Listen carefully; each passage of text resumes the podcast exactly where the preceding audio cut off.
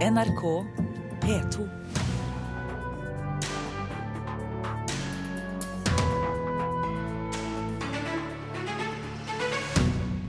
Grovere former for krenkelser på nett fører til at rekordmange mennesker søker hjelp. Omstridt kulturinstitusjon fyller 50 år, fortsatt vital, mener lederen. Og ungdommens kulturmønstring vil ikke bare opptre på små kulturhusscener. Nå sikter de mot TV-skjermen. Du hører på Kulturnytt i NRK P2 og Alltid nyheter. Mitt navn er Stine Traalt. Det blir stadig mer alvorlige former for sikk, sjikane og krenkelser på nettet, ifølge slettmeg.no. Veiledningstjenesten opplever at rekordmange mennesker søker hjelp etter å ha blitt offer for seksuell utpressing, grove sjikaneringer og truende meldinger. Vi har møtt en norsk mann i 30-årene som ble presset for flere tusen kroner etter å ha kledd av seg i det han trodde var en privat webkamerasamtale. Han ønsker ikke å bli gjenkjent, og vi har derfor forvrengt stemmen hans. Denne personen eh, er da ei ung jente som egentlig eh, ganske med en gang begynner å kle av seg og ber meg om å gjøre det samme. Og ja, litt etter litt så er det ganske full nakenhet inne i bildet. Denne mannen i 30-årene fikk en ubehagelig opplevelse da han for noen uker siden møtte en ung dame på et datingnettsted. Han ønsker ikke å bli gjenkjent, og vi har derfor forvrengt stemmen hans. Etter å ha kastet klærne i det han trodde var en privat webkamerasamtale, fikk han en truende melding. Etter et minutts tid så får jeg en video der de selvfølgelig har filma meg. Da kommer det utpressningstrusler om at de vil eh, legge det ut til eh, samtlige på min vennliste på Facebook. og jeg er nødt til å betale 4000 kroner for å unngå at det skjer.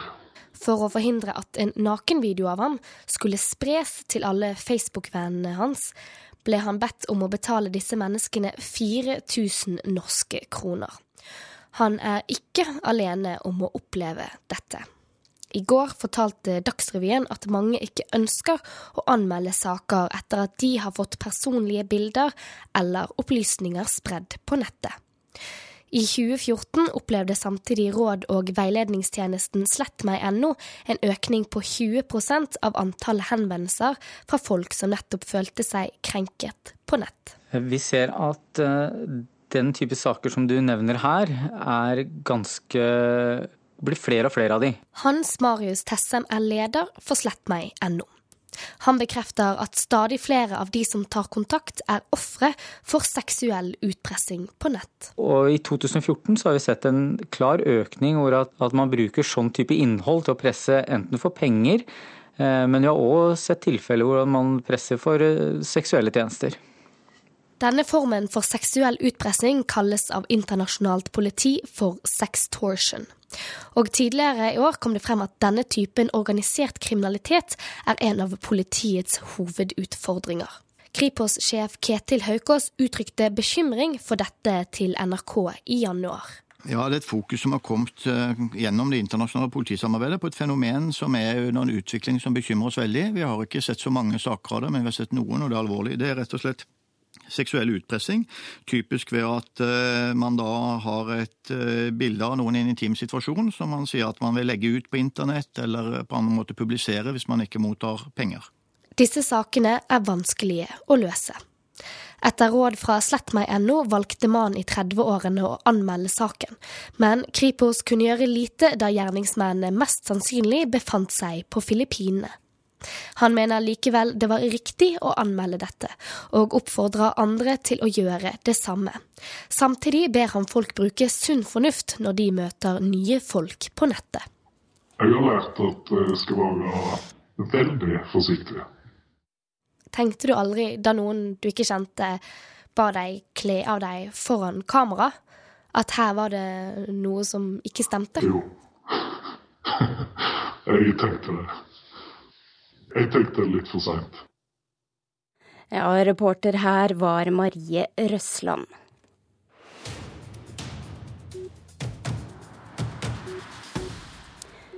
Stadig flere arrangører mener de trenger væpnet politi fordi de skal debattere eller stille ut noe som provoserer. Det skriver Vårt Land. Stabssjef ved Oslo politidistrikt, Johan Fredriksen, sier at de har merket en økning etter terrorangrepene i København og Paris. Det gjør vi helt klart. Eh, det er i henhold til trusselvurderinger og også i henhold til opplevd behov for sikkerhet for mange som er i den kategorien. Hvilke type henvendelser får dere? Ja, Det spenner veldig vidt fra skal vi si, kjente store arrangører til, til enkeltpersoner som har behov. Og det er klart at eh, her må vi gjøre vurderinger fortløpende, for vi klarer ikke å gape overalt men totalt sett så er dette et omfattende oppdrag for Oslo-politiet.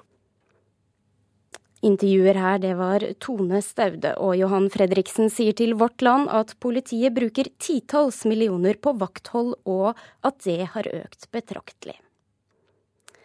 Store deler av sentrum i den svenske byen Karlstad ble sperret i flere timer da kunstneren Lars Wilks opptrådde offentlig i hjemlandet for første gang siden terrorangrepet i København.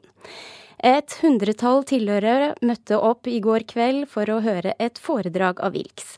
Det handlet om det franske satiremagasinet Charlie Hebdo og ytringsfrihetens grenser. Bildene av IS-soldater som ødela uerstattelige kulturskatter på et museum i Mosul, gikk verden rundt for noen uker siden. Nå hevder sjefen for Iraks departement for kulturskatter at statuene bare var kopier. Terroristene hevdet at de var verdt flere milliarder dollar. Men det stemmer ikke, ingen av gjenstandene var ekte, sier han til tyske Deutsche Welle. Facebook har måttet tåle mye kritikk for å drive sensur på nettstedet. Men nå har de endret retningslinjer. Og sjef for sosiale medier her i NRK, Ingeborg Woland, hva er nytt? Det er ikke sånn forferdelig mye som er nytt sånn, som kommer til å ha berøring for de fleste av oss, men først og fremst har eh, retningslinjene til Facebook blitt mye enklere å forstå. Eh, så Som en konsekvens har dette blitt et mye lengre dokument. Det er nå på sånn 2500 ord, så det er litt å sette seg inn i. Ja, Men hvorfor har de gjort dette? Først og fremst fordi at eh, Facebook har hatt en litt sånn utydelig policy på hva som er lov og ikke lov. Ehm, noen har fått beskjed om at eh, innholdet har blitt fjerna uten at de har visst hvorfor det har blitt klaga på. Eh, andre har klaga på innhold og fått svar tilbake om at nei, men vi kan ikke se at det her bryter Facebooks retningslinjer. Så nå har de prøvd å bli litt tydeligere på hva det er da som bryter Facebooks retningslinjer for innhold på nettstedet. Ja, På hvilken måte har de misbrukt sensuren sin? Vi vil kanskje ikke si at de har misbrukt sensuren sin, men det har vært veldig vanskelig å forstå. Så nå er det litt tydeligere f.eks. knytta til hva slags nakenhet som er greit og ikke. Eh, det er en del endringer her knytta til hva som er greit å formidle av vold, bilder av vold. Det var mye mm, diskusjon for en stund siden rundt halshoggingsbilder fra IS-områder i Irak f.eks. Eh, og så har det vært en spesifisering av må du bruke ditt ekte navn, som er egentlig litt interessant. Eh, fordi Facebook har pleid å være ganske strenge på at eh, som Facebook-bruker så må du bruke det navnet som står i fødselsregisteret eller på førerkortet ditt. Som har skapt et problem f.eks. For, for transpersoner som identifiserer seg med et annet kjønn. Så det har Facebook nå spesifisert at så lenge det er den identiteten du bruker i samfunnet, så er det greit. Om det f.eks. løser problemet Lady Gaga, er jeg fortsatt ikke sikker på. Tidligere så har vi sett saker på at Facebook har drevet sensur på uskyldige bilder av amming f.eks., og også kunstprosjekter som viser nakenhet. Eh, hva, hva skjer med det nå? Eh, kunst har fått en særstilling, eh, og det samme har også bruk av kroppen i fysiske sammenhenger, som f.eks. amming. Så der hvor man tidligere har opplevd at et bilde av en kvinne som ammer, eller for så vidt en kvinne som viser fram et bryst fjerna i en, f.eks. en brystkreftoperasjon, det skal nå være tillatt. Eh, men Facebook er fortsatt veldig tydelig på at generell nakenhet, eh, eh, særlig hvor du da har kvinnepupp for puppens skyld, er ikke innafor. Du kan heller ikke vise en naken rumpe. Så pupp er ikke lov, med andre ord. Nei. Men eh, er dette en riktig vei, da, som eh, Facebook eh, nå gjør? Er det viktig? Jeg tror det er veldig riktig at de blir tydeligere. Og grunnen til det er at Facebook har et sånn her moderatorkorps som sitter rundt omkring i hele verden, som er de som da håndterer de her klagene som kommer på innhold. Fordi det som skjer, er jo at du eller jeg ser et eller annet i vår nyhetsstrøm på Facebook og sier at det der var ikke helt passende, og så sender vi en sånn markør på det til Facebook. Og så sitter da altså folk og går gjennom det her her. Eh, og det her har først og fremst tror jeg gjort det veldig, tydelig, veldig mye tydeligere for de hva som er greit og ikke. Så forhåpentligvis så blir det en mer lik praksis, og ikke sånn tilsynelatende tilfeldig. Tusen takk skal du ha, Ingeborg Woland, som er sjef for sosiale medier her i NRK. I 30 år har ungdommens kulturmønstring blomstret og vokst på de minste kulturscenene her i landet. Over 20 000 norske ungdommer deltar på det som har blitt en av de største kulturarrangementene for ungdom. Men nå vil de synes utover de små scenene. De vil på TV. Jeg kan være litt hårete å si at eh, UKM er Norges viktigste ungdomsarrangement. Og det er et konsept som er så kult at vi vil at eh, alle skal vite om det. Hun hadde stemmen, men ingen scene. Anette Skogheim Lillestu fra den lille kommunen Engerdal. Så UKM var jo genialt for meg, for å vise folket hva jeg hadde å komme med. Årlig slipper 20 000 ungdommer seg løs på ei slik scene. Nå er det på tide at hele det norske folk får se dem, mener produksjonsselskap i Hamar. Det er jo rett og slett fordi det er et interessant eh, fenomen og noe som har en sånn bredde. Altså Det er mange hundre tusen som har vært innom eller vært involvert med UKM på en eller annen måte opp gjennom årene. Og det her er noe som trenger vi alle har godt av både å se og få være med og få en liten bit av. Sier Arild Halvorsen i produksjonsselskapet Fabelaktiv. Vi står bak scenen. Alle som skal pågå rett hit og så rett på scenen. Og jeg er konferansier. I år er det 30 år siden Akershus fylke etter inspirasjon fra Finland arrangerte den første kulturmønstringa for ungdom her til lands. Året etter tok Kulturrådet ballen, og 30 år senere er det blitt vårens vakreste eventyr for over 20 000 ungdommer. Det innebærer at eh, alle ungdommer mellom 13 og 20 år som har noe på hjertet, eller har laga noe de kan sette sin signatur på, har en arena å vise det fram på. Sier Karoline Amb, som er UKMs fylkeskontakt i Hedmark. Fra scenen i Engerdal kom Anette Skogheim Lillestu videre til fylkesmønstring i Hedmark. Men jeg venter på den dagen at vi er ute og går. Eh, og det var der jeg virkelig fikk sånn UKM-åpenbaring. eh, og syns UKM er dritfett, og jeg håper bare alle kan innse det. Nå i vår drar Fabelaktiv ut med kamera på fylkesmønstring fire steder i landet. Troms, Rogaland, Hedmark og Oslo. Vi ønsker å gjennom uh, fire deltakere Eh, grupper eller enkeltpersoner. Eh, gjennom dem speile hele arrangementet, fra fylkesnivå og fram til den store festivalen i, i, Trondheim. Det er liksom tanken. Så det skal være en serie, det skal ikke være et konkurranseprogram? Nei, det vil jo nesten stride imot UKMs eh, sjel da, å si at det skal være et konkurranseprogram.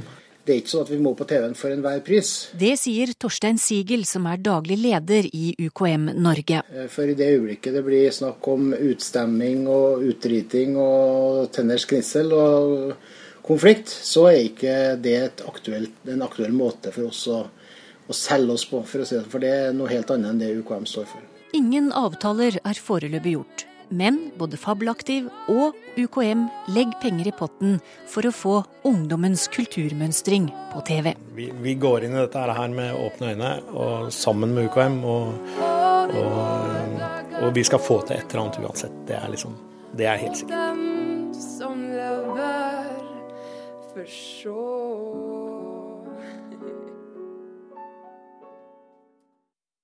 Til slutt her så hørte du Anette Skogheim Lillestu, som har deltatt i Ungdommens kulturmønstring tre ganger, og reporter det var Torunn Myhre. 100 personer er evakuert etter en eksplosiv brann på en leirskole i Valdres i natt. Elleve personer er sendt til sykehus med lettere røykskader. Barnehagebarn må mer ut i naturen for å få beveget seg nok, mener forskere ved Høgskolen i Oslo og Akershus. Britisk politi tar direkte kontakt med muslimske mødre for å hindre at unge jenter blir vervet til terrorgruppa IS. Norsk kulturråd fyller 50 år i år. Og dette er ingen hvem som helst, for bare i år fordeler de over 1 milliard kroner til ulike kulturformål. Opp igjennom tiden har det vært noen tildelinger som har vært mer kontroversielle enn andre. Dette her er en ukultur, og det å spekulere i drap, selvmord, kirkebranner, ha blodige stunts på scenen der de kaster blod og grisehove foran scenen, og at det skal eh, medføre at de skal få økonomisk støtte av Norsk kulturråd, er hårreisende. Frp-politikeren Vidar Kleppe tora mot rådet da det ble kjent at svartmetallbandet Mayhem fikk 60 000 kroner i støtte. Det var kanskje ikke slike tildelinger en hadde sett føre seg da rådet ble oppretta i 1965. Da var målet å verne norsk kultur mot utenlandsk populærkultur. Kulturrådet, etter det vedtak som er gjort i Stortinget, skal være rådgivende for departementet i saker som gjelder Norsk kulturfond. Og det er ikke så lite. Norsk kulturfond vil vel årlig års få en inntekt på omkring 15 millioner kroner, etter det en nå kan se. Det sa statsråd Helge Sivertsen den gangen. Siden har rådet med sin store statlige pengesekk blitt helt sentralt i norsk kulturliv.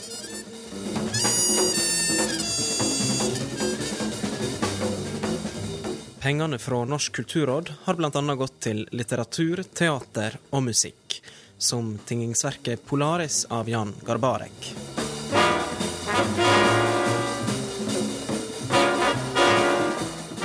Rådet har vært omorganisert flere ganger, og har de siste åra fått flere penger, samtidig som de har fått flere arbeidsoppgaver og mer å administrere.